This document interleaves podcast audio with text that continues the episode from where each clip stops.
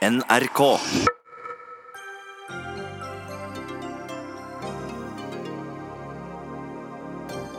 Boligprisene i Oslo har gitt milliarder av kroner i overskudd til landets største boligbygger, nemlig boligbyggelaget Obos. Er Obos bare blitt opptatt av profitt, sier Raimond Johansen, byrådslederen i Oslo fra Arbeiderpartiet. Nesten en tredel av befolkningen står utenfor arbeidslivet, mellom 15 og 74 år gamle. Arbeid for alle var en paradegren. Nå er vi slått av svenskene. Det er verre enn å bli slått i langrenn, sier en samfunnsøkonom. Arbeidsministeren kommer. Det gjør også opposisjonen. Politikere oppfordrer kvinner i Norge til å føde flere barn. Det er veldig destruktivt, og de aner ikke hvilke konsekvenser dette har for klimaet, sier en professor i biologi, som heller vil at vi skal føde færre barn.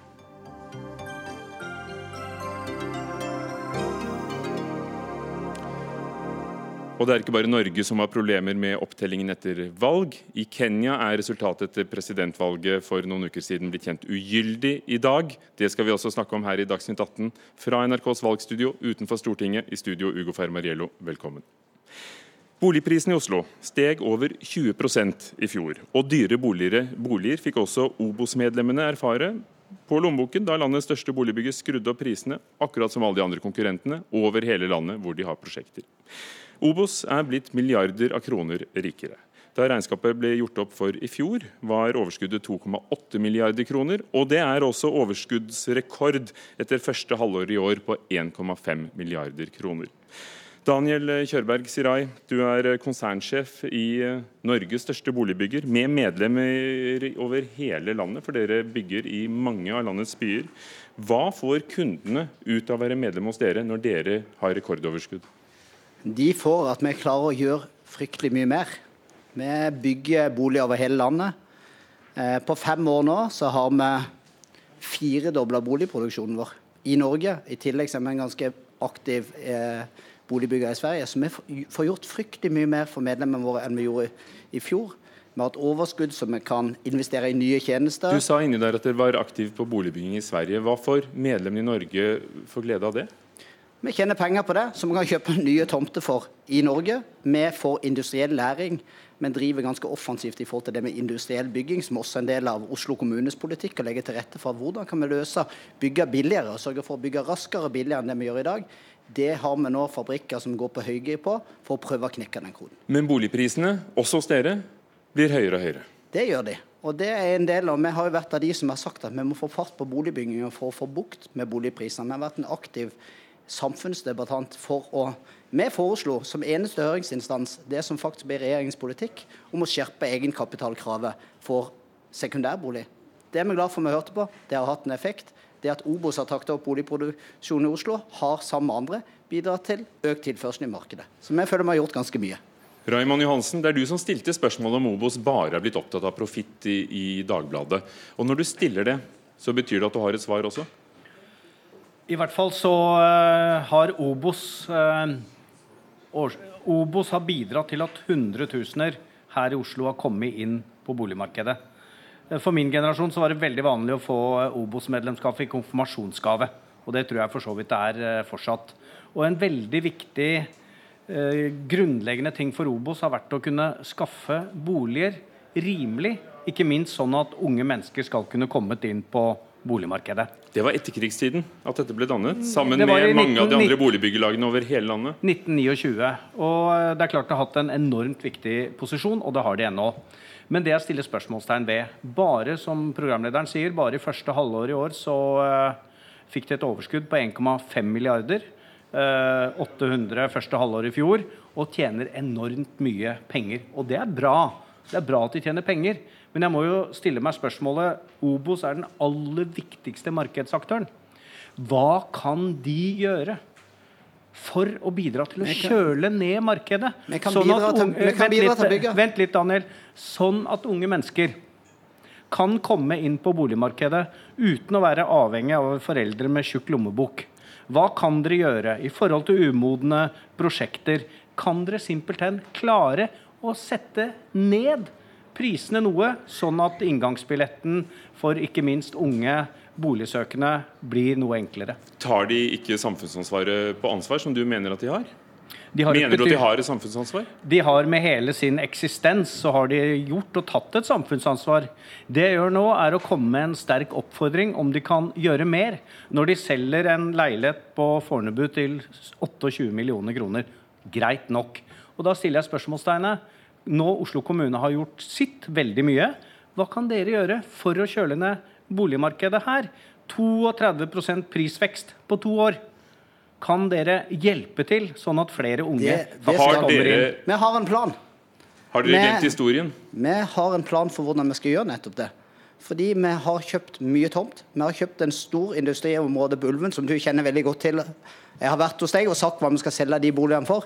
De skal selges for 15-20% under det de selges på på naboområdet rett over ringveien. Vi har gått i samarbeid med dialog med entreprenører rådgivere for å presse ned byggekosten. Det lykkes vi med. Vi bygger 15-20% billigere på Ulven enn vi gjør i resten av byen. Så har vi sagt at vi skal ta ut og jobbe effektivt, sånn at de boligene faktisk blir for regnskapsførere som jobber i Obos, kommuneansatte, førskolelærere, alle de som dessverre ikke får muligheten. Så der kommer vi til å ta aktive grep. Vi ønsker gjerne å være med på Men den prisen der, som er billigere enn naboområdet, som du sier, Ja. følger fortsatt logikken om at det er markedsprisen? Ja, fordi vi mener at det er markedspris i det området. Det er et helt nytt industriområde, men det er sentrumsnært. Vi er nødt til å få opp et stort volum fra starten av. En fornuftig forretningsstrategi for oss da er å selge dette til en pris som vi får ut massene til å kjøpe bolig på. Vi begynner der, kanskje mot Dere er eid av medlemmene. Eh, Akkurat som det er 42 boligbyggelag i hele landet som er medlemmer i hvert fall av Landsforeningen. Hvorfor må dere tjene 12% som er deres eget krav på boligene? Hvorfor kan ikke dere selge til litt under markedspris til medlemmene deres? Fordi alternativet til å operere til markedsvilkår Vi får ingenting gratis av kommunen. Vi får ingen billige tomter, vi får ingen subsidier noen ende. Vi er nødt til å kjøpe tomtene til akkurat samme pris som konkurrentene våre. Og sånn som tomteprisutviklingen har vært i denne byen, så har vi faktisk brukt alle penger vi har tjent. I fjor brukte vi dobbelt så mye som vi tjente på å kjøpe nye tomter.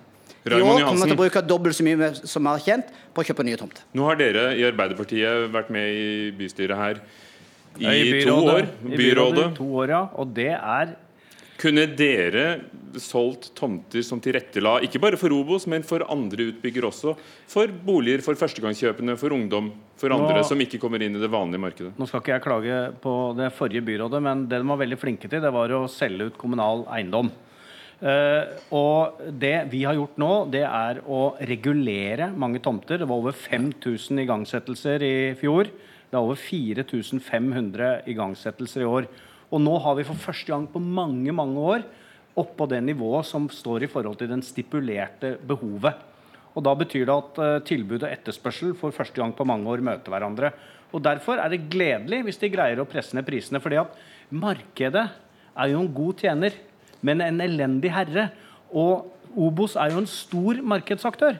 De har all mulig anledning Daniel, til å gå foran, presse ned prisene, bruke den posisjonen dere har i markedet, til å skaffe ungdom og de som skal inn på boligmarkedet, en anledning uten at de må sette seg i bunnløs gjeld eller er avhengig av foreldre som har penger. Vi snakket eh, med en annen stor boligutbygger i Norge, nemlig Selvåg, som sier at de tror at det vil ha veldig liten effekt på prisene. Eh, Hva tror du? Jeg tror ikke Obos kan sette ned prisene men jeg tror, og, og, påvirke hele markedet. Men det jeg tror Obos kan gjøre, og sammen med Oslo kommune, der er vi kan se på ulike typer konsepter. Obos har selv tatt initiativ til, men vi vil gjerne diskutere med Oslo kommune modeller med type leie til eie, delt eierskap. Jeg tror det er mulig å finne modeller som både er på markedsmessige vilkår, slik vi må gjøre på trygg økonomisk forvaltning, men som gjør inngangsbilletten litt enklere for disse ungdommene som som av ulike grunner ikke klarer å komme inn, som ikke har de rike foreldrene. Jeg har nå regnefolk som sitter og regner i Excelen for å få dette til å gå i hop. Gjør kommunene nok? Ikke bare Oslo, men andre. Dere, dere opererer over hele landet. Gjør, føler du at det er på Jeg kommuneplan det, det stanser opp? Jeg skal gi Raymond og hans eh, byråd honnør for at de har faktisk fått fart på regulering av byggesaksprosesser. Mye kan gjenstå, men de skal ha, Og du, du har vært aktiv KrF-politiker som satt i, på den andre siden. Ja da, det har eh, Så dette varmer. Ja, men vi må tørre å være litt sjenerøse med hverandre. Når det blir gjort en god jobb, så fortjener man honnør for det. Men vi er nødt til å ta mange grep, og det er mange kommuner som fortsatt har mye å gå på. Nå skal vi ikke henge ut noen. Men tiden da boligbyggelag bygde for medlemmene til fornuftige priser, så de kunne komme lettere inn på markedet enn om de måtte uh, ut og finne en annonse i avisen, den er over. Nei, fordi dersom vi får bygd nok Både meg og Raymond er enige om hva resepten er. Vi er nødt til å få opp boligbygginga. Vi er nødt til å få masse tilgjengelige tomter, så denne prisspiralen på tomter i denne byen slutter å gå sånn. Og da kommer vi til, Med høy boligbygging som er i samsvar med befolkningsveksten, så kommer vi til å få en mer fornuftig boligprisvekst. over Ren tid. markedslogikk, eh, Raymond Johansen. Ja, Har du urealistiske forventninger men- til, til hva et Obos, et boligbyggelag, skal være fremfor alle de andre som bygger hus? Altså, jeg har enorme forventninger til Obos. Obos har vært helt grunnleggende viktig for utviklinga av denne byen. Bl.a. for å skaffe helt vanlige familier en, eh, en bolig til en rimelig penge. Og det er sånn at Prisveksten har vært 32% de siste to årene. Nå er den kanskje ned 2-3 men det betyr jo at man har en fortjeneste på nesten 30% mer enn man hadde. Eller at prisen er nesten 30% mer enn han bare var for to år siden. Så det er en så stor eh, aktør, og jeg syns at det Daniel Sirai nå sier, er veldig gledelig. Vi ønsker å gå til et Men alt dette visste du. Du mener fortsatt at de egentlig kunne tatt flere sjanser? Ja, og det opplever jeg at han sier, at de er villige til å se på Jeg andre modeller. jeg venter ennå på tomtene å- som vi skal få i Groruddalen av Raymond og hans regime. Hvor mange års eh, ansiennitet har du? Nei, jeg har, har ikke altfor lang ansiennitet i jobb. Jeg har tolv års ansiennitet. Raymond? Johansen? 42. Ja, ja, han vinner. Takk skal dere ha. Raymond Johansen, byrådsleder i eh, Oslo, og Daniel Kjørberg Sirai, som er konsernsjef i Obos.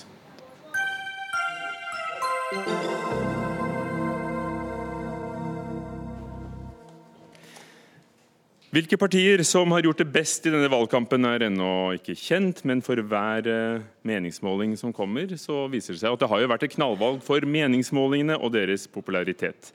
I august registrerte nettstedet Poll of Polls, som tar for seg alle meningsmålingene som kommer, 53 meningsmålinger, to hver dag.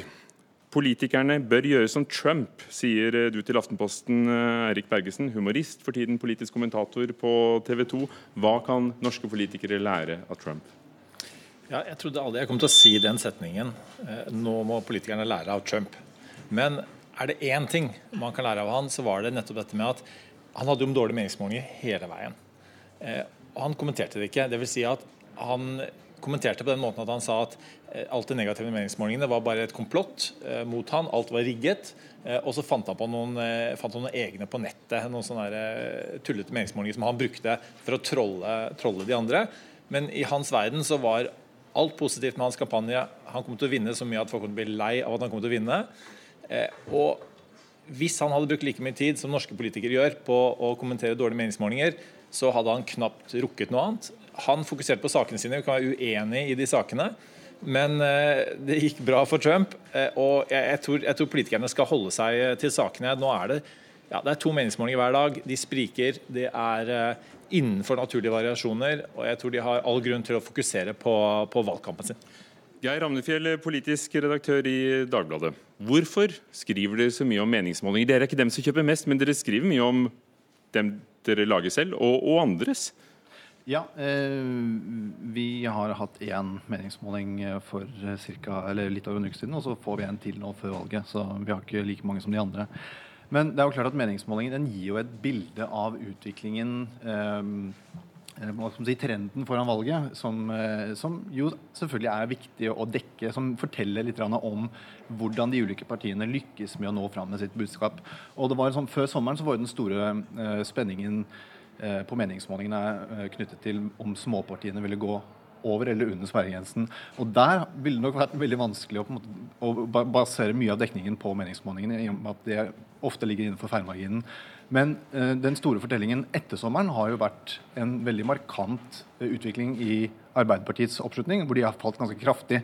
Og det er jo klart at når man, når man ser på snittet av meningsmålingene, så er det ikke noen tvil om at det er en signifikant et signifikant fall. Så Det er jo ikke, på en måte, det er jo ikke et uttrykk for, eh, for usikkerhet eller ved at meningsmålingene er feil. Det forteller noe faktisk om at Arbeiderpartiet ikke når fram til velgerne med det budskapet som de har, eh, de har presentert. Det Kan det være fordi for- dere da skriver så mye om prosentene her og der at ikke at ikke de når frem med politikken, fordi dere heller Ja, skriver som- om det enn en bedriver politisk journalistikk? Fordi dere bruker mye penger på meningsmålinger. Kunne dere ikke heller hatt reportere som er gikk ut og skrev saker? Altså det, er, det er veldig viktig poeng at det er en fare for det at meningsmålinger kan ta for mye oppmerksomhet i en valgkampinnspurt. Eh, og eh, det er viktig at mediene også bruker oppmerksomheten på å analysere sakene og skrive om de reelle politiske eh, uenighetene og utfordringene som, som er viktig for velgerne å ta stilling til i valget. Men det er jo også sånn at på den første partilederdebatten i Arendal så var det jo faktisk sånn at eh, Jonas Gahr Støre ble bedømt til å gjøre den beste innsatsen. Det var en ganske stor enighet mellom de ulike kommentatorene om det. Men så så man etterpå at den falt på meningsmålingene. Så det, det, noe, det var ikke nødvendigvis noen sammenheng mellom de to, uh, mellom de to tingene. Uh, og dermed så ser man jo at, um, at meningsmålinger blir jo uh, viktig for å finne svaret på Altså dette er jo noe som Eh, noe som bidrar til å eh, fortelle om partienes diagnoser, er det som vinner gjenklang hos eh, velgerne. Eirik Bergesen, er du, er du, betrygget nå? Forstår du mer hvorfor avisen gjør det? At det kan avføde god journalistikk og gode observasjoner? Selvfølgelig skal både politikere og journalister måle hva velgerne mener. Og, og, og fange opp de store trendene. og Det er helt, helt rett det Geir sier her. at Eh, det store historien er jo at, eh, at, Arbeiderpartiet har gjort det dårligere enn man hadde ventet. Og den er naturlig også, å fortelle om. Men det er den daglige, time for time, eh, og at da Jonas Gahr Støre, som da strever med å få fram budskapet sitt, åpenbart, skal bruke så mye tid som han gjør Hvorfor gjør han det, da? Ja, altså, har han gått i baret? Jeg, jeg, jeg, skal ikke forsvare hans, hans eh, Poenget er vel at må politikerne hoppe? Selv om Dagbladet eller andre nei, sier hopp? Nei, nei, de må ikke det. Og, og jeg, han, han, har jo gjort åpenbare feil i kampanjen sin. Jeg skal ikke uh, bruke mye tid på det her. Men han, når, nå som han det snur litt, grann, så, så er plutselig er han statsmannaktig igjen. Og så går det ned 1 eh, neste dag, og så er han plutselig, faller han som en stein igjen. Og på de 24 timene har han ikke gjort noen ting annet enn å hilse på folk. Sånn på at det, når, når, politiske kommentatorer bruker måte de små svingningene til å forklare Eh, hva, eh, at, at, nå har kampanjen snudd, eller nå har, har eh, Arbeiderpartiet for eksempel, har lagt om taktikken sin, så stemmer jo bare ikke det. Toril Aalberg, professor i statsvitenskap ved NTNU med oss fra Trondheim. Er det, er det moro lesing for deg?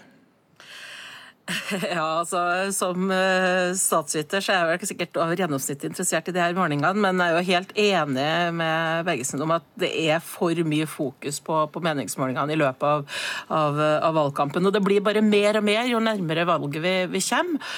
Og det gir lite reell informasjon til, til, velgerne som skal stemme på det partiet man er mest enig i, ikke hvem som sannsynligheten eh, er størst for å vinne. Men når det så, ser så jevnt ut da, som det gjør nå, er det ikke da også opplysende, fordi det gjør at vi kanskje kan bruke mer tid og spalteplass på mindre partier som kanskje ellers ville blitt skjøvet litt ut i kulden, fordi vi, vi ser at de er på vei opp? Ja, nei, Det er klart at det er viktig å også vise bredden i partifloraen i, i, Norge, men, men, spørsmålet er om det er, skal være så knytta til, til, meningsmålingene. og Det som er litt av utfordringa, er jo at journalistikken legger føringer for at uh, Får man negative oppslag, så begynner man å lete etter de uh, års, potensielle årsakene til det, uh, og hvor veldig mye av den resterende mediedekninga blir dårlig, og vice versa. Sånn at det, det, får en sånn slags selvforsterkende effekt. da. Erik Bergesen, hvorfor tror du at pressen er så glad i meningsmåling? For å ta på meg satirikerhatten litt, da. Eh, disse her, De grafiske fremstillingene blir jo bare mer og mer sofistikert. og Det er hologrammer hvor politikerne fyker fram og tilbake på skjermen. Men tallene er like lite troverdige. altså Variasjonene er såpass små. Og spesielt småpartiene. ikke sant? Det er jo de som Man er helt avhengig for å kunne legge sammen en troverdig regjeringsallianse. Så trenger man småpartiene. Og de er over og under sperregrensen. så det det, det, blir ikke så meningsfullt. og det som også er faren er jo på en måte at Når man er så opptatt av hva tallene sier, så blir man ikke så opptatt av hva velgerne sier. Det skjedde i USA. Hvite middelklassemannen forsvant helt. Eh, og man, når valget var ferdig, så oppdaget man oi, han hadde vi helt, helt glemt. Eh, og, og men, men forandrer det folks atferd, tror du? Jeg tror det kan være med å fremmedgjøre. Fordi det, det, det, spillet det blir på en måte sånn en sportsbegivenhet. Eh, og, altså, jeg var en av de. Jeg satt, Det siste jeg gjorde før jeg la meg, og første jeg gjorde det før jeg, da jeg våkna opp, jeg så på Nate Silver, han statistikkguruen i USA, sin probability-kurve. Og så satt jeg i TV 2-studio på natta og bare så den forsvant en helt annen vei i løpet av noen få timer. Åpenbart eh, meningsmålingene og journalistene tok feil. Og det tror jeg man skal lære av. Jeg tror eh, politikerne også skal prøve å fokusere på valgkampen sin eh, og, og sakene. og Det blir en catch 22 når media etterlyser sakene til politikerne og politikerne ikke får tid til å snakke om sakene. De må alltid eh, forsvare hvorfor de går opp eller ned, og så sier de det samme at nei, vi fokuserer på det positive og det er fin stemning der ute. og Det gir veldig lite mening, den journalistikken der. Toril Aalberg, vet dere statsvitere noe om hvordan eh, folk reagerer? Er, det sånn at, eh, er det sånn at de forandrer atferd, blir late hvis det går deres vei f.eks.? Nei, altså vi, vi, kan ikke utelukke at meningsmålingene har en effekt, men det som er litt av utfordringa, er at den effekten kan gå begge veier. Altså Man har det man kaller for en bandwagon-effekt, som, som, rett og slett står i at uh, folk vil være med på det vinnende laget. Så man, man, vil stemme på det partiet som gjør det godt. Men så har man også en sånn såkalt underdog-effekt, som trigges av at man vil uh, støtte de partiene som ikke gjør det så godt. Og hvis begge dem slår ut samtidig, så vil effekten til slutt uh, utjevnes. Og der, eh, Geir Amfjell, har vel dere et, et, ansvar for ikke å skape sånne, sånne effekter? At folk altså ikke lenger stemmer fordi de er så opptatt av, av reportasjene dine, men fordi tallene slår ja, ut? Det er, det er, et interessant eksempel på hvordan nettopp sakene som politikerne velger å fokusere på, meningsmålinger, kan henge, henge sammen. Da. Altså, Sett at du er en uh, potensiell Arbeiderpartivelger som sitter på gjerdet og er usikker på om du skal stemme på Arbeiderpartiet. og så Eh, er du kanskje kritisk innvandringspolitikk. Og så kjører Arbeiderpartiet fram en, eh, en sterk kritikk mot Frp og Sylvi Listhaug. Da velger du kanskje ikke å stemme på Arbeiderpartiet. Men hvis du f.eks. var en potensiell Arbeiderparti-velger som blir glad for at Arbeiderpartiet setter, altså setter fokus på, på Listhaug og på FrPs innvandringsretorikk, da kan det hende at du nettopp havner i den i den sympatisørgruppen som, som, blir mobilisert av at det går dårlig med Arbeiderpartiet. Så man, Jeg tror ikke disse tingene er på en måte så Eh, så enkle som, som Erik Bergesen forsøker å framstille det. Og når man ser at, eh, at Arbeiderpartiets eh, oppslutning på meningsmålingene er klart signifikant, så blir det på en måte en litt meningsløs diskusjon å si at meningsmålingene tar feil, for det gjør de beviselig ikke. Erik Bergesen, tror du ikke det er noen igjen som går i partibodene utenfor her og skaffer seg program og, og tar et selvstendig valg ut fra det? Absolutt, og selvfølgelig den dekningen her er jo, er jo viktig også. Men samtidig, altså hvorfor de spekulerer så mye i hva som kommer til å skje? Fokuser på det som faktisk skjer eh, der ute nå. Det er mer enn nok eh, å, å dekke. Og Én ting er hvor god kampanje de driver, det viktigste er hvordan de kommer til å oppføre seg når de kommer i posisjon. Takk det glemte man i USA. Nå må vi håpe vi husker det i Norge. Vi skal innom politikken senere i Dagsnytt 18 i dag, faktisk. Kanskje så det er sagt. Eirik Bergesen, politisk kommentator i TV 2 for tiden. Geir Ramnefjell, politisk redaktør i Dagbladet. Og Toril Aalberg, professor i statsvitenskap ved NTNU.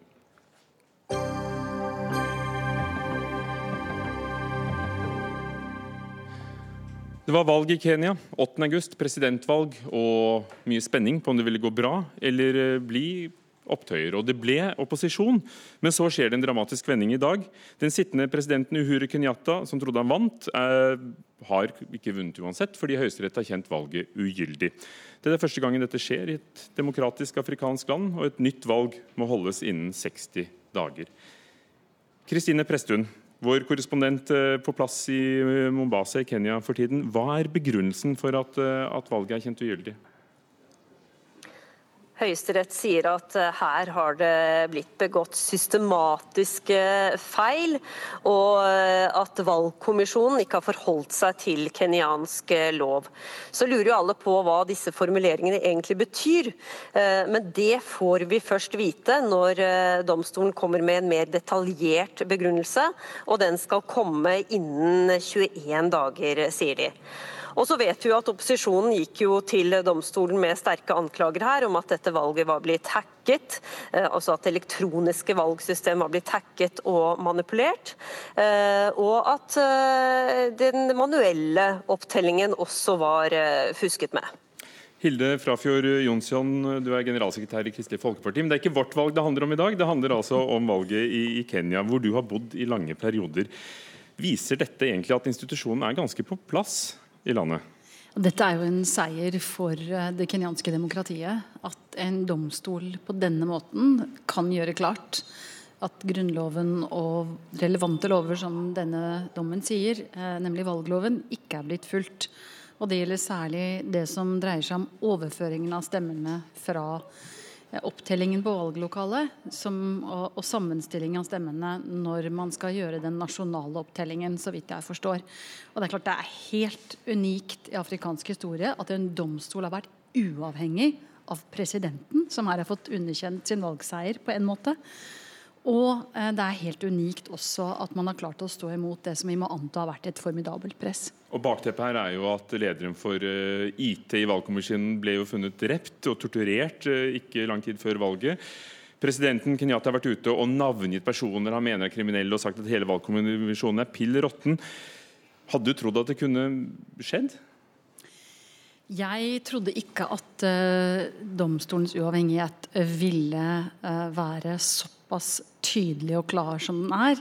Det har vært strid før i Høyesterett i denne type tilfeller. Um, det som er spennende nå, er at fire av to dommere uh, har vært på den siden som har sagt at her har det skjedd ting som ikke er i tråd med valgloven. Og som Kristine Presthus sier, vi må finne ut mer detaljer når vi får den formelle kjennelsen. Men det er ingen tvil om at Høyesterett har vært utsatt for kjempestort press før. Det har vært forsøk på korrupsjon, på å kjøpe dommere. Og det har også vært, eh, ja, det har vært eh, virkelig ja, den type press som valgkommisjonen også har vært utsatt for. Dette drapet har jo satt en støkk i alle, så de har vært tøffe. Og en av dommerne ble syk denne uken. Vi kan jo bare spekulere i hva det skyldtes. Kristine Prestun, eh, i 2007 så ble over 1000 personer drept. I opptøyene som fulgte, var det også en halv million som ble drept for flukt. Hvordan har det egentlig gått denne gangen? Det var, eh, altså Kenya holdt jo pusten i dagene etter eh, valget, fordi da lurte alle på hva opposisjonslederen Raila Odinga ville gjøre. Om han ville be folk gå ut eh, på gatene og protestere. Da var det stor frykt for omfattende vold. Og i denne venteperioden så var det jo også opptøyer i områder der opposisjonen står sterkt, og der politiet møtte disse demonstrantene svært brutalt. Jeg sto selv i slummen Kibera og hørte hvordan skuddene ljomet eh, og hvordan tåregass ble avfyrt. Eh, og det er jo dette man er redd for at det skulle ta helt av. Men så valgte altså Odinga å ta denne kampen til rettssalen istedenfor til gatene. Og med det så reddet han også Kenya fra en potensielt svært eh, kaotisk og voldelig situasjon. Og det er som fra Fjord Johnsen sier her, at med denne avgjørelsen, ja det er da er det en stor seier for Odinga, men særlig for rettssystemet i eh, Kenya. Og Det er også reaksjoner blant folk jeg har snakket med om at nå har de fått fornyet tillit til domstolen. Hilde Frafjord Jonsson, hvor mye handler valget om personlighet mellom Kenyatta og Odinga? De to var jo var jo, sto jo nærme hverandre tidligere. Du kjenner dem? Jeg kjenner dem veldig godt. Mye handler om person, personligheten deres, som mye handler om politikk og folkegrupper. Eh, det er en blanding. Eh, det er klart at eh, I et land hvor den demokratiske tradisjonen er ganske ung, og hvor etnisitet spiller en stor rolle, så blir det aldri bare politiske saker det dreier seg om. Og det er også slik at de fleste partier vil ønske utdanning for alle, helsetjenester for alle. Det er helt opplagt i et relativt fattig land da, at man har en god del av de samme målsettingene. Så det er ikke så klare ideologiske forskjeller heller på hvilke virkemidler man vil bruke. Så det går på tilliten til at det enkelte partiet kan gjennomføre disse tingene. Og tilliten til at de kan levere for folket sitt. Og da blir også ofte korrupsjon et viktig tema. Etnisitet spiller inn. Hvorfor, hvorfor er det så viktig i Kenya? For det er jo ikke det i alle afrikanske land. Eh, korrupsjon eller etnisitet? etnisitet Nei, I Kenya er det seks store etniske grupper. Til sammenligning er det landet jeg kjenner best, Tanzania, 145. Når det er få etniske grupper, så blir det en mobilisering rundt det etnisitet. Og det er også slik at politikerne bruker eh, etnisk tilhørighet som et instrument og et virkemiddel i kampen om makt. Og dette dreier seg først og fremst om makt. Om å sitte i posisjon, slik at man kan eh, ha mest mulig nytte av det for sitt egen gruppe, men også for sitt eget parti.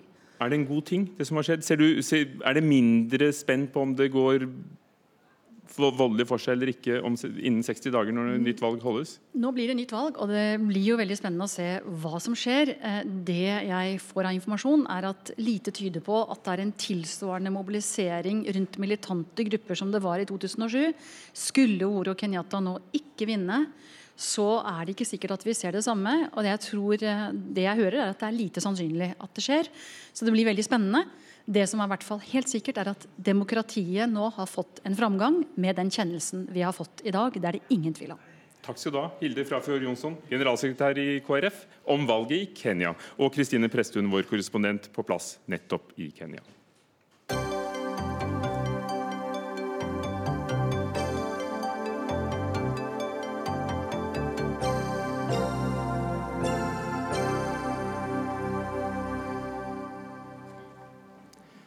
Hvor mange av oss som jobber? Sysselsettingsgraden har, eh, er viktig for politikken, og det er viktig for hvordan vi har det i landet og hvordan økonomien går. Eh, men den eh, sysselsettingsgraden har gått ned over lang tid i Norge. Svenskene slår oss ned i støvlene på et område vi burde vært best, og, og slagordet 'arbeid for alle' det gjelder ikke lenger. I dag kom også tall på at arbeidsledigheten går ned, og det kommer sikkert arbeidsministeren som er her tilbake til. Men først begynner vi med økonomene. Svein Harald Øygard, samfunnsøkonom i Sparebank1 Markets på 90-tallet. Statssekretær for Arbeiderpartiets finansminister Sigbjørn Johnsen. I VG denne uken skriver du om fallende sysselsetting. Hvorfor er du bekymret? Nei, altså, En hovedgrunn er at uh, midt i forrige uke hadde vi en merkedag. For første gang så var Norge dårligst i Nord-Europa. Nord-Europa er definert som Sverige, Danmark, Island, Storbritannia når det gjelder sysselsettingsgrad. Den har falt og falt og falt i Norge, mens den i våre naboland har steget. Og Dette er dramatisk, for det setter folk utenfor arbeidslivet. Eh, det gir folk mulighet for egen inntekt. Og selvfølgelig veldig mye av det som ellers kunne vært eh, måte, arbeidstakere som betalte skatter, blir da skattefinansierte eh, personer, som selvfølgelig ødelegger også statsfinansene. Du viser tilbake til 90-tallet i kronikken din, eh, den gang du altså var statssekretær for Sigbjørn Jonsson. I mellomtiden er det en kjent sak at du var eh, sentralbanksjef på Island etter finanskrisen i en periode. Island eh, ligger på toppen av sysselsettingsstatistikken. Hva er det de gjør som vi burde lære av? Ja, Island er der hvor Norge burde vært. Dette har vært Norges paradegren nummer én. Nå diskuterer vi om vi er sist eller nest sist. Hva er det Island har gjort? Jo, de har selvfølgelig mobilisert for full sysselsetting. De har mobilisert rundt en arbeidslinje. Da jeg var sentralbanksjef, så var det prioritet nummer én det var å få folk i arbeid. Eh, selv om man kuttet budsjettet med 12% av BNP, som i økonomisk sammenheng er dramatisk mye, selv om halvparten av bedriftene gikk om kull, så lykkes man å få sysselsettingen opp. Man lykkes med å få folk i arbeid. Og det er det landet i verden som nå har høyest sysselsetting. Så det får Norge til å stille seg i skammekroken når det gjelder sysselsetting. Håkon Rikles, eh, også samfunnsøkonom i Civita, tenketanken.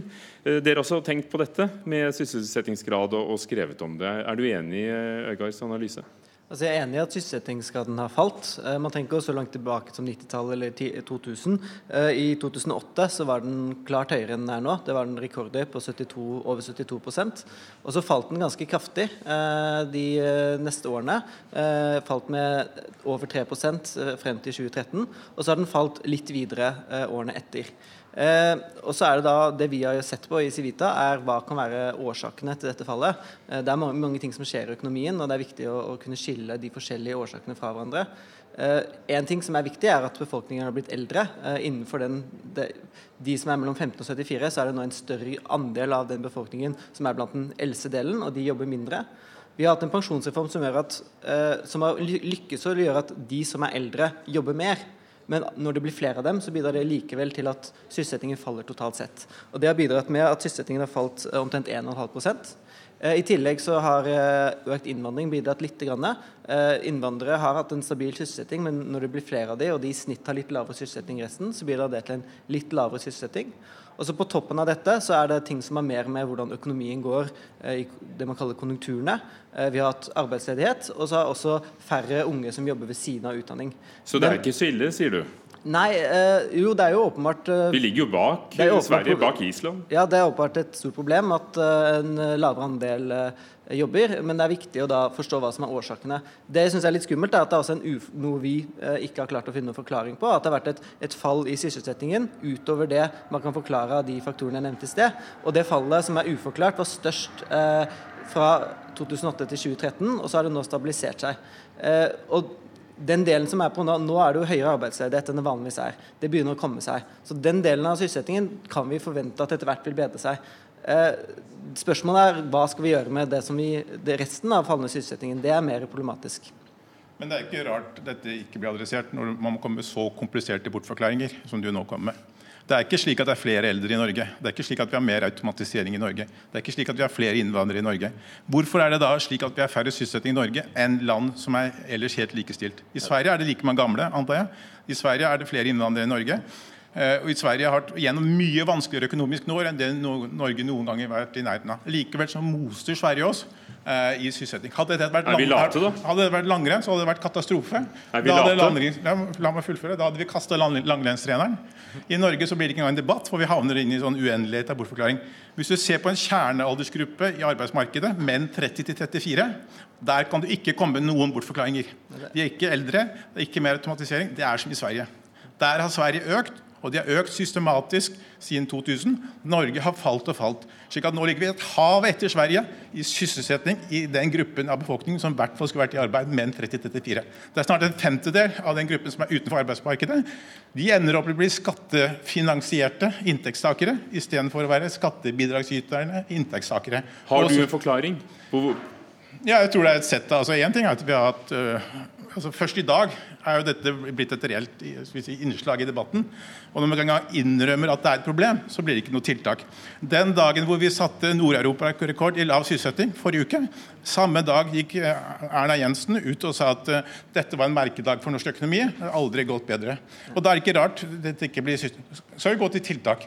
Ok, Det er brukt mye oljepenger i Norge. 80 milliarder kroner. hvis vi kan- la tiltakene ligge Ja. dit, og så kan du Rikle, få, få, få svare på om du, du ja, nærmest jeg er bortforklarer. Overhodet ikke uenig i at dette er problematisk. eh, og derfor, Men det er viktig å forstå hva som er årsakene, og hva som er, kan forklares og ikke kan forklares. For eksempel, hvis det kun var at befolkningen var eldre, så burde vi sett at må vi gjøre noe mer på pensjonsreformen f.eks. Men skiller vi oss fra Sverige, Island? Ja, altså det, er jo ganske like jeg vet, land. ikke, jeg vet ikke, om, vet ikke om sammenligning mellom land er så nyttig når vi er nå på en, på en bunnkonjunktur og de er på toppen. Nå går det veldig bra økonomisk i resten av Europa, mens vi er på vei ut av en, eh, av en, en dårlig periode. Men jeg er helt enig at eh, for eh, kjernegrupper så bør vi gjøre noe. Og jeg er helt enig at det må ha tiltak. I Tyskland og Sverige som man viser til, så har man hatt ganske store reformer av arbeidslivet og velferdsstaten.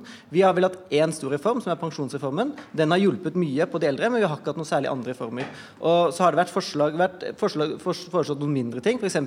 så skulle man eh, gjøre sånn at man i barnetillegget i uføretrygden ikke eh, ga gjorde at man tjente mer på å være uføretrygdet enn å jobbe. Og da ble det voldsomt mye bråk. Og så har man innført aktivitetsplikt for, arbeids, eh, for- unge som er på sosialhjelp. Det ble også voldsomt mye bråk. Og da er jo i og for seg, vil jeg er helt enig med deg, det er et symptom på at man ikke har tatt dette alvorlig. Når reformer som man burde egentlig synes er ganske åpenbare, f.eks. at man ikke skal tjene mer på å være på uføretrygd enn å jobbe hvis man har barn, ble enormt mye bråk i 2014.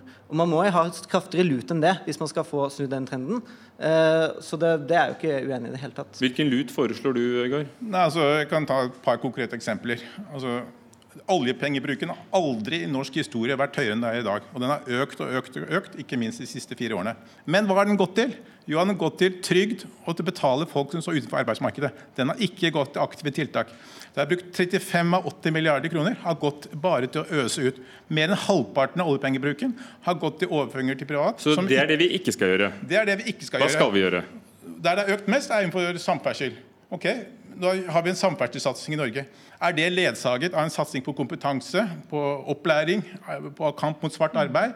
På å sikre at dette er jobber som går til norske arbeidstakere, norske ungdom som står i kø for å få arbeid. Det var også et godt innslag i partilederdebatten på, på, i Tromsø. Da ble de to spurt, og da skal jeg kritisere begge to. De ble spurt eh, hvorfor kan ikke 16-18-åringer stå i kassa på en butikk. Og sier, Nei, det kan de selvfølgelig ikke gjøre, for de kan være at de selger øl til en, til en annen 17-åring. Er det noen grunn til å tro at eh, 16-18-åringer er mindre ærlige enn andre? Skal vi gi tapp på tusenvis av arbeidsplasser bare pga. at noen skal da få kjøpe en flaske øl? Altså Det viser jo at prioriteringen er feil. og Man går ikke etter det som er viktig. Man er mer opptatt av kanskje en eller annen som får kjøpt seg en flaske øl, enn at det er tusener på tusener som ikke kommer, får en mulighet til å gå inn i arbeidsmarkedet. Og det finnes noe som heter teknologi. Man kunne egentlig lage et kortsystem som gjorde at man bare fikk kjøpt øl hvis man var over 18 år. Men man går ikke inn Tenk i den arbeid. debatten. Tenk arbeid, arbeid, arbeid. Jeg kan vedde på at det er 100 tiltak man kan sette igjen. En som tenker arbeid hele tiden, er jo Anniken La Hauglie. oss høre da hvor Ja, konkret det er. Arbeids- og sosialminister fra Høyre. Dere vinner mesterskapet i utgiftsvekst, har vi hørt. Hvordan vil du få folk i, arbeid? Al- Altså For det første så, så vil jeg jo si at eh, Høyre gikk jo til valg på å redusere utenforskap. Nettopp fordi at utviklingen har vært så negativ over så mange år. Og noe av det viktigste vi eh, altså noe av det vi startet med, var jo nettopp eh, tiltak for å omstille Norge. For å øke satsingen på kunnskap og kompetanse. På rammebetingelser som skulle gjøre det bedre for bedrifter å satse. Samferdselssatsinger osv. Hva kan våre hovedsatsinger rammebetingelser i bedriftene, eh, kunnskap og utdanning og samferdsel og infrastruktur har nettopp hatt til hensikt å skape flere jobber, bidra til omstilling i Norge. Og så er Det sånn at det er ingen som bortforklarer sysselsettingsnedgangen. Altså, kjære vene, den vært, altså, Hvordan den har vært siden 2008 særlig, er jo vel kjent. Alle, alle er kjent med at det skyldes hovedsakelig økt eldrebefolkning, innvandring, og at mange unge også velger å, å utdanne seg. Men det betyr ikke at vi ikke er urolig for at sysselsettingsandelen er lav. Det som er gledelig nå, er jo at eh, det siste halve året så ser vi at sysselsettingsandelen for første gang siden 2008 faktisk nå har begynt å stabilisere seg. Vi så jo før sommeren at den gikk til og med et lite hakk opp, og så er det altfor tidlig å si at, eh, at, eh, at, trenden har snudd. Men vi ser at nå har det i hvert fall begynt å, å flate ut. Det som vi skal gjøre framover, er jo å legge til rette for at det skapes enda flere jobber at det trygges enda flere jobber, at vi klarer å inkludere mange av de som i dag står utenfor. Et konkret eksempel på det. Før sommeren så fikk vi Stortinget med oss på, imot Arbeiderpartiets stemmer, å stramme inn på arbeidsavklaringspengeordningen. Altfor mange mennesker har gått altfor mange år uten tett oppfølging. Vi har fått Stortinget med oss på aktivitetsplikt for unge sosialhjelpsmottakere, mot Arbeiderpartiets stemmer. Har du stri tørn i Stortinget med det du vil Nei, gjøre? Altså, vi har jo heldigvis borgerlig flertall, og det, hjelper oss langt på vei. Vi har gått inn for en fraværsgrense i skolen som har bidratt til dramatisk, i ordets positive forstand, eh, reduksjon i fra i fraværet eh, i skolen og gjennomføring av videregående skole. Arbeiderpartiet er litt for og litt imot, litt avhengig av hvem man snakker med. Så du kan ikke komme og si at politikerne ikke tar en del av disse debattene. Men så skulle vi gjerne gjort enda mer. Vi foreslo bl.a. store innstramminger i folketrygdens eh, fordeler til flyktninger før sommeren. Det ble også du kan spare litt på konfekten. der har vi spart mellom 3 og 5 milliarder. Vi fått gjennomslag for det. Anniken Hauglie, spar litt på konfekten med det du har tenkt å, å, å gjøre mer av. fordi det er jo noen uker til valget. Truls Wickholm fra Arbeiderpartiet på Stortinget bak her. Eh, hvem har ansvaret for å få i arbeid? Er det konjunkturene? Er det eh, at vi blir eldre, eller er det, er det Anniken Hauglie? Altså, det er klart at uh, alle, alle, ting spiller en rolle, men jeg syns at det vi har opplevd i denne perioden, er en regjering som er utrolig villig til å forklare alt på samme måte som vi hører fra, fra Civita her. At ting går jo bare sånn som det går. fordi Eh, ting er på den måten eller på den måten, demografien er sånn eller den er sånn. Jeg har ikke opplevd at eh, regjeringen har hatt veldig sterke egne satsinger på å, å få folk i, i, i jobb. Skal man lykkes med mange av de tiltakene som Anniken Hauglie er inne på her, så er man jo eh, først og fremst avhengig av at det skapes arbeidsplasser, eh, og også da skapes arbeidsplasser i privat sektor. Og, og så jeg, hører jeg det som Anniken Hauglie sier om, eh, om sysselsettingstallene, og da regner jeg med at hun igjen gjør det som mange Høyre-politikere har gjort, at de sammenligner sysselsettingstallene fra første kvartal til annet kvartal. Det er et tall som ikke går an å sammenligne, og det håper jeg eh, arbeidsministeren vet, fordi de ikke er sesongjusterte kritiserte. Så det må man slutte å si, og slutte å bruke som et eh, bevis på at eh, ting Hun tok mange forbehold her? Nei, hun tok ikke så mange forbehold akkurat på det. Hun sa at det, det ser ut til at ting til og med går litt opp. Og det hun gjør da, er at hun sammenligner første kvartal og annet kvartal. Det kan hun ikke gjøre, fordi det er ikke sesongjusterte tall. Så det, så det må man ikke bruke som bevis. Men sånn, bruker, sånn, sånn, sånn, sånn, sånn, hø men sånn hører vi hele tiden, da. At jo, det, er, det, det, pekes på lyspunkt på lyspunkt på lyspunkt, og så ser vi at sysselsettingsandelen For Anniken Hauglie sier at i Stortinget så stemte dere mot de innstramningene i arbeidsavklaringspengene, fraværsgrensen, som dere var med på, men, men fikk gjort om og vil gjøre om på igjen. Uklart helt hvordan dere vil gjøre det. Hva er det du vil gjøre? For det første, som jeg sier, det må skapes arbeidsplasser. Ingen av de tiltakene... Ja, hvordan vil du skape det? Ja, for det første så har jo Regjeringen satsa på helt feil hest her. De har gitt 5 milliarder kroner årlig i skattekutt til de som har formue i Norge. Og det er klart at De pengene kunne vi brukt på en helt annen måte til å skape arbeidsplasser. Mer målretta. Når vi så at ting begynte å eh, gå i en negativ retning på Vestlandet, så foreslo Arbeiderpartiet eksempel, at vi skulle eh, ha et sånn ferjeutskiftningsprogram. Det ville betydd eh, teknologiutvikling, det ville betydd arbeidsplasser. Vi kunne som Øygarden her sier, lagt inn eh, krav om, eh, om lærlinger. Vi kunne satsa på, eh, på kompetanse. Isteden hadde man den litt sånn vanlige høyretilnærmingen. at vi bruker mer penger, og så får vi vente og se på at markedet skal ordne det her opp. Jeg tror vi burde hatt mye mer målretta tiltak for å få folk i jobb. Ja, altså, jeg, vet, jeg, vet, ikke hvilke bedrifter du besøker, men alle bedriftene som eh, vi snakker med, de sier at de trenger tre ting. Det er rammebetingelser, det er kunnskap og kompetanse, og det er infrastruktur. Og det er det de også har fått. Og nå ser vi at alle piler, absolutt alle piler, peker i riktig retning på, ledighets, eh, på ledighetstallene, på, på nedgang i, i, permitteringer, på ledige stillinger som meldes til Nav, på forbrukeroptimismen, på bedriftsoptimismen. Og så er det to piler som, er eh, grunn til bekymring.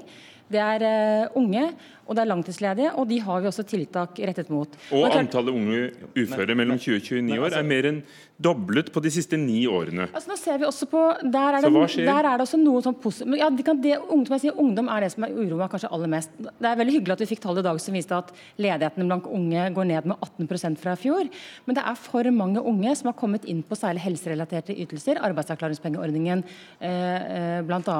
Og det er de vi jobber med nå for å klare oss å få fulgt opp tettere. Vi har en egen ungdomsinnsats bl.a. Og, og vi har gjort de innstrammingene vi har gjort i selve ordningen for å få til flere inne. Men Så det er mye- innretningen på ytelsene som ja, altså Ikke bare innretningen, men vi gjør jo, det er jo mye vi gjør. Altså, som jeg sa, eh, Aktivitetsplikt og fraværsgrense, og vi har eh, tette gapet mellom ungdomsrett og voksenrett i videregående opplæring.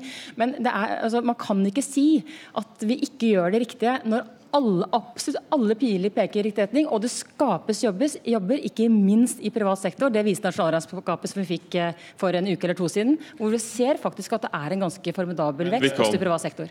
Altså, I 2016 så gikk eh, for første gang netto tilvekst av eh, private jobber ned. Men på, ærlig eh, talt, på- i på i 2016, Jo, men- året men- jo, men- etter oljeprissjokket, det største på en generasjon, det skulle nesten bare mangle.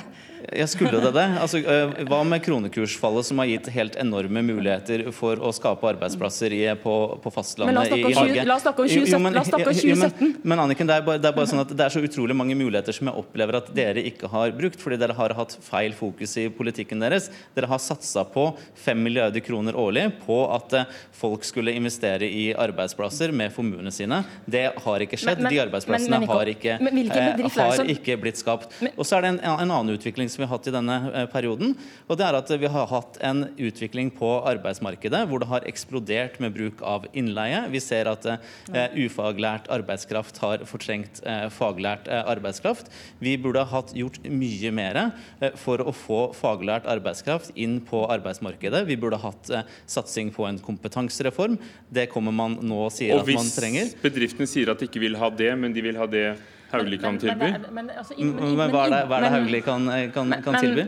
Men eh, altså, eh, det, er, det er ingen bedrifter nå som ber om en skatteregning på 15 milliarder kroner. Det finnes ikke én eneste bedrift som sliter langs vestlandskysten som ber om å få enda flere steiner til byrden. De har det- mer enn nok med det de har Arbeiderpartiet har fra ikke før. foreslått noen skatteøkninger for- norsk- skal- vi, prøve oss på en av gangen? Skal vi prøve oss på en av gangen? Anniken Hauglie, hva ber de om, og hva har du faktisk fått gitt dem i de fire årene? det, som, det som bedrift, et samlet næringsliv har bedt om, det er som jeg sa, det er eh, rammebetingelser. Det handler om eh, Jo, blant det, er det de økonomi. vet om. Hva har du fått gitt dem av det? Ja, og det er, det er jo det de også har fått. De har fått eh, bedre økonomiske rammebetingelser. De har fått en betydelig satsing på kunnskap og utdanning. Og de har fått en historisk samferdselssatsing som har vært viktig både fordi det har gitt kontrakter til bedriftene, og fordi det binder folk, folk og landsdeler sammen. Og er ikke det litt av det du var inne på? Du sa fergeutskiftningsprogram. Er ikke det, Det er denne typen den, altså, jobb noe av det dette du har jo, Vi har jo krangla med regjeringen om dette mange ganger, men i all største grad så er det en samferdselssatsing som regjeringen gjennomfører, en oppfølging av Nasjonal transportplan 2013. Det har vært en planlagt satsing, ikke en historisk ekstrasatsing. som lagt følge frem en stor transportplan nå?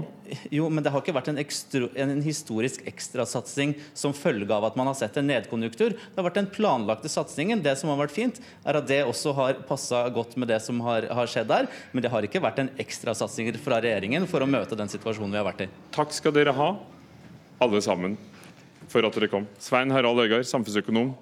Og i Sparebank1 Markets eh, Håkon Rikles, eh, det samme i Civita. Truls Wickholm fra Arbeiderpartiet og Anniken Hauglie, arbeids- og sosialminister.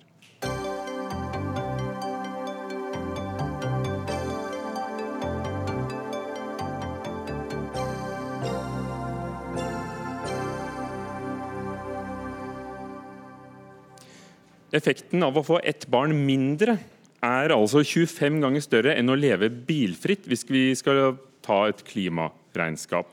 Dette viser en studie fra Universitetet i Lund og Universitetet i British Columbia i Canada, og støttes av andre undersøkelser også. Og Likevel er det ingen norske miljøpartier som tar til orde for å begrense befolkningsveksten.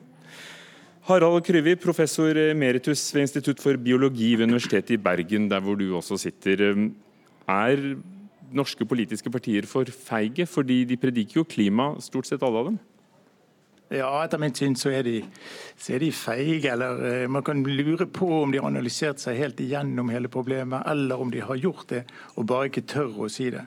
Det som er eh, basis her i akkurat denne diskusjonen, er at jorden og menneskene i dag opplever svære miljøproblemer.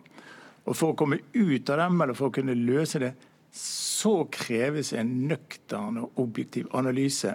Selv om den er brutal, og selv om den må kritisere. Og hva er, Du, du sier brutal, men hva, hva ja, betyr det at du foreslår? er at Vi er allerede altfor mange mennesker i forhold til det jorden eh, tåler. Og det er årsaken til alle, eller praktisk talt alle, miljøproblemene. Men det vil ingen diskutere, og det, det, det vil jeg si det er en unnlatelsessynd. Og de er litt feige når de ikke sier her er altfor mange mennesker allerede i dag. Det er jo helt utenkelig f.eks. at alle jordens 7,3 milliarder mennesker kan bringes opp på vestlig standard. Er problemet at eh, hvert barn i seg selv og livet til dette mennesket vil sørge for så mye CO2-utslipp at, eh, at, eh, dette ikke kan gå an, eller er det det at det vil bli for mange totalt? Ja, Det er jo for begge deler. da. Hvis, hvis de skal ha høy levestandard, så fører det nødvendigvis med seg mye CO2 og en rekke andre miljøproblemer. CO2 syns jeg egentlig er et lite problem i den store sammenhengen med naturødeleggelser osv. Men det er klart antallet er det som teller. Og eh, Det er veldig skremmende å se eh, befolkningsutviklingen, og veldig skremmende å se at ingen Det er forbløffende egentlig å lese partiprogrammene. Ingen vil ta opp det der problemet til reell diskusjon. Per Espen, ja, la oss høre, vi har, vi har, med oss to politikere vi som, som vil ta en reell diskusjon. Per Espen Stoknes, ja. Eh, andrekandidat for Miljøpartiet De Grønne i Oslo. og Du har også skrevet om klima og psykologi, og forsker på Handelshøyskolen BI. Ettbarnspolitikk, er det noe for Norge? Miljøpartiet De Grønne vi vil at eh, kvinner selv skal få velge hvor mange barn de vil ha. Eh, I Norge er ikke dette noe problem. Vi har eh, en fruktbarhet i Norge på 1,7 barn per kvinne. Det store problemet i den rike delen av verden er at vi bruker for mye ressurser per hode. Slik at 10% av de rikeste i verden står for halvparten av utslippene. Problemet i den fattige delen av verden er kvinners stilling først og fremst. Så Det vi vil jobbe for, det er å styrke kvinners utdanning, deres rettigheter og yrkesdeltakelse. For det vet vi fra forskning at en kvinne med mer enn sju års utdanning velger selv å få gjennomsnitt fem færre barn hmm. enn en kvinne med null års utdanning. Så ved å gi kvinner utdanning Så dere har tenkt på dette? Vi har tenkt grundig på det her. Og vi vet nøyaktig hva som skal til for å få befolknings utviklinga under kontroll, men på en positiv måte som styrker livskvaliteten, særlig til kvinner, men også menn. Fordi Menn får det også bedre når kvinnene får det bedre. Når kvinnene selv kan velge hvor mange barn de vil ha, istedenfor at de blir påført flere barn enn de selv ønsker, av menn. Da har du et problem. Harald Kryvi, Miljøpartiet De Grønne. Du hørte at uh, tanken er at uh, mer utdannelse gjør at kvinner får færre barn. Og her i Norge så er det jo altså en, Det har ikke vært født færre barn på 30 år. Ja, Det er jo veldig bra.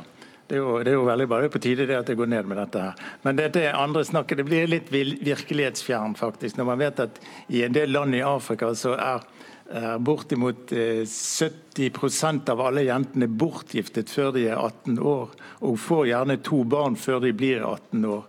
Så eh, det, det, er klart det er et soleklart ønske å få forandret på det, men eh, det blir litt virkelighetsfjernt. Jeg synes at, eh, synes at norske myndigheter og Røde Kors og utenriksministeren og FN for den siden kunne gå rett inn og si her er årsaken til deres store problemer, nemlig at dere faktisk har alle må få vite det, og det må vi våge å si. Der dere har for mange barn. Jeg kan komme med masse eksempler på det. der. Olaug Bollestad, stortingsrepresentant for Kristelig Folkeparti i helse- og omsorgskomiteen med oss fra Stavanger. Hvorfor skal eh, politikere og, og, og alle ordningene vi har, oppfordre oss til å få flere barn, når du hører om problemene det, det gir for planeten?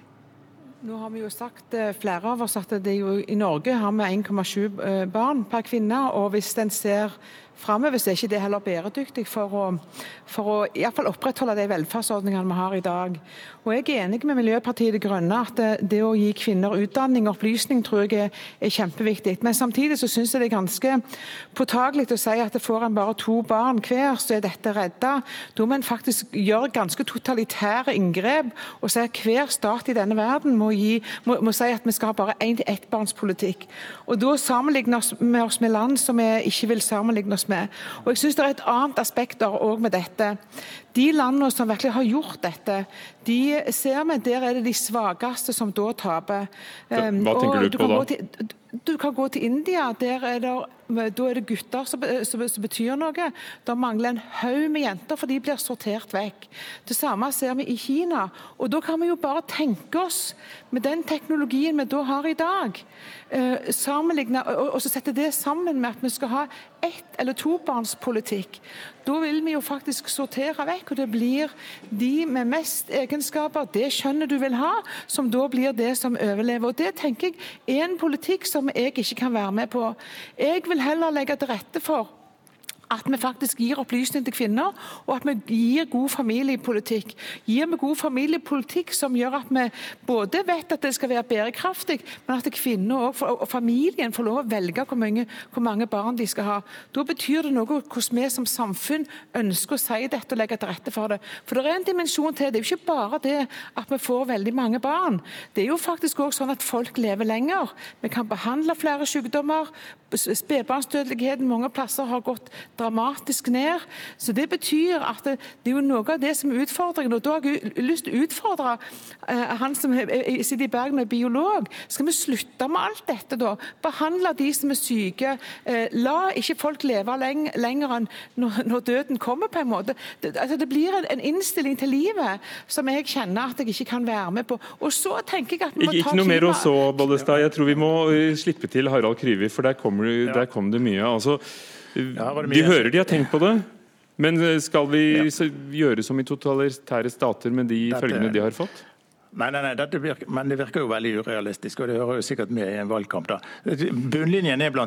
at per døgn nå for tiden så er det økning på 220 000 mennesker netto Blant annet, jeg kan nevne, jeg hørte Kenya var nevnt her i sted. De har øket på de siste 60 årene fra 7 millioner innbyggere til 49 millioner innbyggere. Men, Selvfølgelig skaper det problemer. Det man må gjøre er i, i, våre, i vårt land f.eks.